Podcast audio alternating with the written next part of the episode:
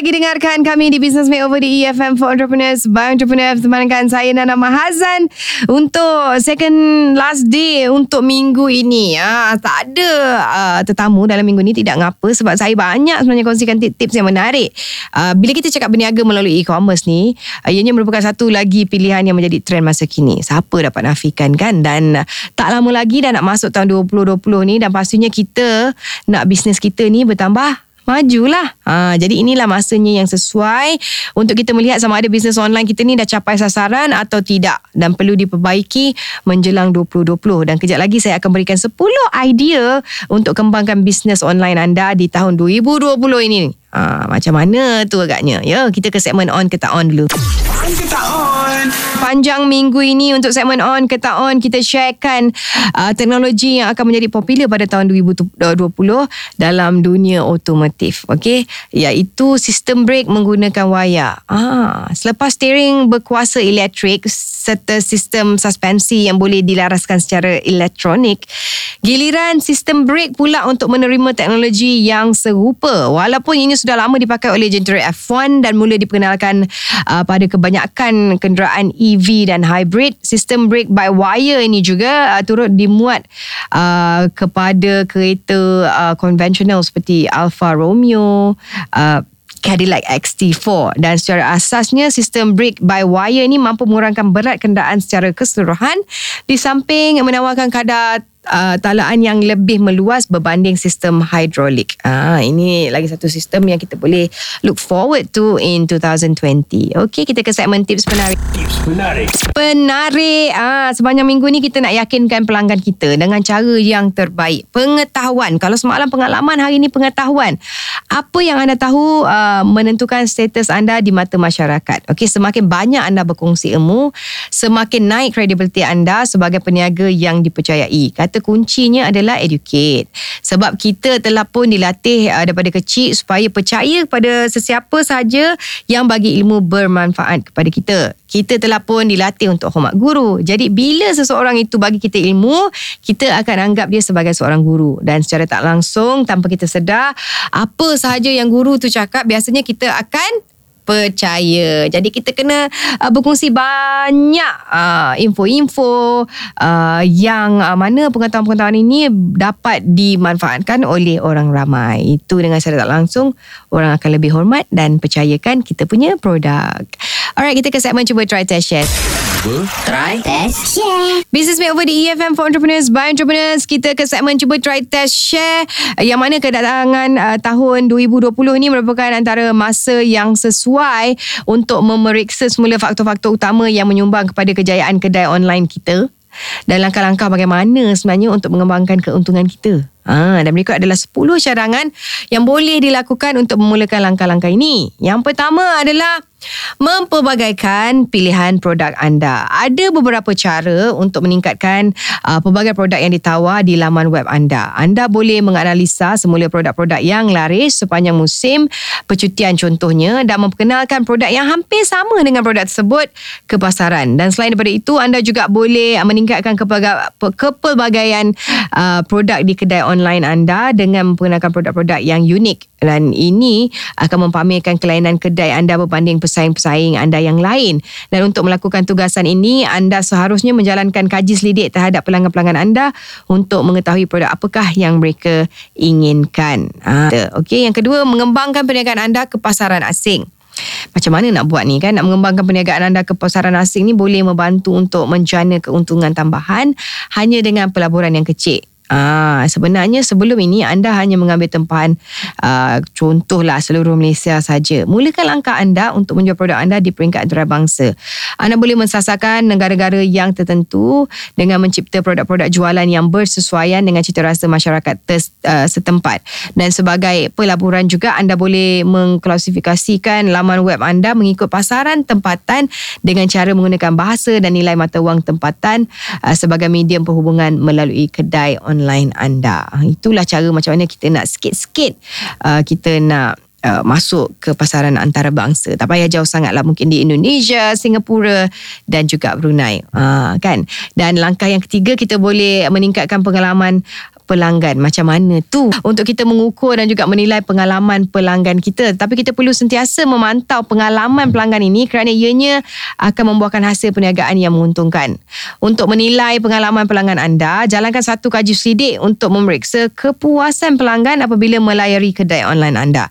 Anda juga boleh menggunakan perunding untuk menjalankan kaji selidik ni. Ha, dan hasil daripada kaji selidik ni sebenarnya boleh digunakan untuk anda meningkatkan lagi pengalaman-pengalaman uh, pelanggan yang anda lalui Ah, selain daripada meningkatkan juga keuntungan anda. Dan apabila pelanggan melawati laman web anda berasa selesa, puas hati, uh, apa tu user friendly uh, dan servis dan juga produk yang kita tawarkan kepada mereka pun mendapat tempat. Yang keempat adalah melancarkan saluran jualan baru. Salah satu faktor perniagaan secara online dapat berkembang dengan pesat adalah kerana pengenalan pelbagai cara untuk menjual produk. Sekiranya laman web anda tidak uh, memperkenalkan kaedah-kaedah lain bagi tujuan jual beli, ini mungkin akan merugikan anda. Salah satu kaedah penjualan terbaru yang diperkenalkan melalui e-commerce ni adalah perniagaan menerusi peranti mudah alih ataupun dikenali sebagai mobile commerce. Uh, dan mobile commerce ni uh, mampu untuk menjana keuntungan yang lebih dengan pelaburan yang sedikit. Okey, uh, jualan perniagaan uh, kepada perniagaan ataupun B2B uh, juga adalah salah satu saluran perniagaan yang anda boleh lancarkan. Uh, dan air sekali pertimbangkan untuk menjual barangan anda di eBay. Why not? Kan dan langkah ini adalah uh, mudah dan ianya mampu untuk menjana keuntungan yang lebih besar. And this is very interesting guys sebab laman web anda akan menjana keuntungan tambahan sekiranya anda berkolaborasi dengan peniaga online yang lain dengan cara saling menjual produk sesama sendiri di laman web masing-masing. Sebagai contoh, sekiranya anda menjual peraba rumah Contoh eh, anda boleh bekerjasama dengan peniaga yang menjual produk hiasan dalaman rumah. Ha, dan ini akan meningkatkan hasil jualan rakan kongsi anda dan akan memberikan anda keuntungan melalui hasil komisen daripada jualan tersebut. Dan selain itu, rakan kongsi anda juga boleh mempromosikan produk jualan barangan anda di laman web mereka dan ini akan meningkatkan hasil jualan anda. Kira macam win-win situation. Kalau anda tak pernah buat collab ataupun kolaborasi ni, mungkin uh, tahun ini ataupun tahun baru 2020 nanti boleh anda cuba untuk memastikan kembang ke tak perniagaan. Ha, dan uh, untuk langkah yang keempat, menaikkan harga barangan. Okey, untuk kepastian anda tak boleh menaikkan harga barangan dengan begitu kerap walaupun ini adalah cara yang paling mudah untuk mendapatkan lebih banyak wang.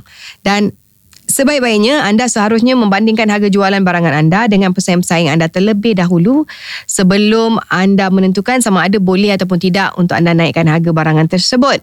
Dan seterusnya apa yang anda boleh lakukan adalah untuk memastikan sama ada pembeli boleh bertoleransi ataupun tidak terhadap kenaikan harga barangan tersebut dan sekiranya anda memaklumkan akan hal kenaikan harga barangan tersebut kepada mereka terlebih dahulu rasanya tak ada masalah. Dan sebagai peniaga anda juga perlu mengetahui mengetahui bahawa peningkatan harga yang kecil sekalipun akan membawa penambahan terhadap keuntungan hasil jualan anda dan anda mungkin akan mengalami sedikit rintangan sekiranya anda melakukan pertukaran harga secara kerap di kedai online ataupun sekiranya anda hanya menjual satu jenis produk sahaja. Ha, jadi kalau ada satu produk je ha, minggu depan naik, minggu satu lagi naik, ah susah pula kan. Jadi kena betul-betul fikirkan cara yang terbaik. Kita tengok dengan pesaing kita dulu sama ada harga yang terbaik yang kita tawarkan tu masih lagi kompetitif aktif. Okey, untuk kembangkan kita punya perniagaan. Okey, antaranya kita boleh tingkatkan pemasaran. Okey, anda perlu sentiasa meningkatkan usaha pemasaran anda.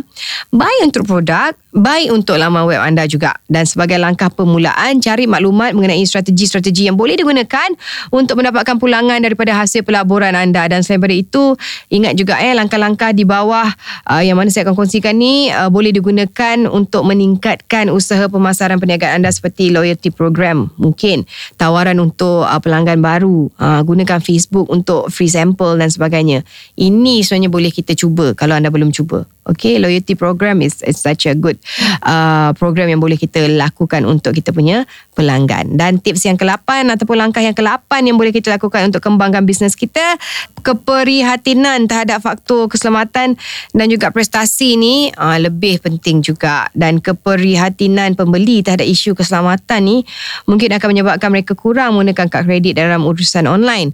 Dan hal ini juga uh, mungkin disebabkan pelanggan kurang melawati laman web anda anda. Ha, hanya dengan menunjukkan pengiktirafan sijil SSL dan mempamerkan logo SSL akan membantu anda membina keyakinan pembeli untuk membeli barangan daripada anda menerusi urus niaga online.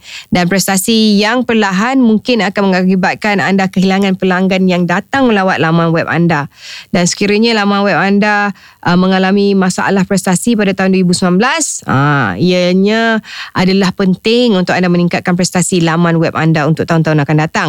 Uh, tetapi anda seharusnya pertimbangkan kadar pertumbuhan laman web anda untuk meningkatkan prestasi dan juga skala. Yang mana kalau kita tengok kan kita kena beroperasi dengan uh, lebih efisien. Macam mana sebenarnya tu? Uh, kurangkan kos akan meningkatkan keuntungan anda. Tapi pada permulaannya tahun baru ni adalah masa yang sesuai untuk anda melihat semula kos anda. Pertimbangkan perkara-perkara berikut yang saya nak kongsikan ni. Yang pertama, lakukan proses rundingan semula dengan pembekal. Okey, yang kedua, menghentikan pengalaman produk yang memberi margin yang rendah ataupun pulangan yang sedikit. Stop it. Okey. Yang ketiga, mengenai pasti alternatif lain bagi tujuan perkapalan dan penghantaran barangan. Ha, contohnya yang boleh jimat lagi kos kan. Ha, dan yang keempat, periksa sistem akaun anda dan pastikan proses penentuan harga dan invoice adalah tepat dan yang terakhir sekali mempertimbangkan semula operasi-operasi perniagaan yang tak penting dan fokus pada aktiviti-aktiviti yang lebih menguntungkan. Kadang-kadang ini sebenarnya sedikit pengalaman saya kan kadang-kadang kita selalu ikut booth.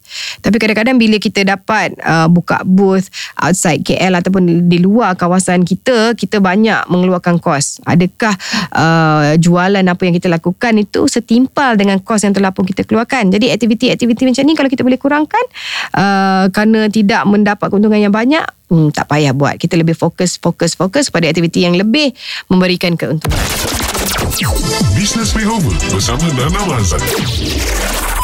Terima kasih kerana dengarkan kami di EFM for Entrepreneurs by Entrepreneurs. Alright, kita dah dah habis dah untuk hari ini. Besok kita akan uh, kembali lagi masih lagi topik untuk kita membaik pulih, uh, tambah baik sebenarnya bisnes kita. Uh, untuk hari yang terakhir dalam minggu ini kita akan bincangkan lagi besok 7.30 pagi hingga 10 pagi di www.efm.live.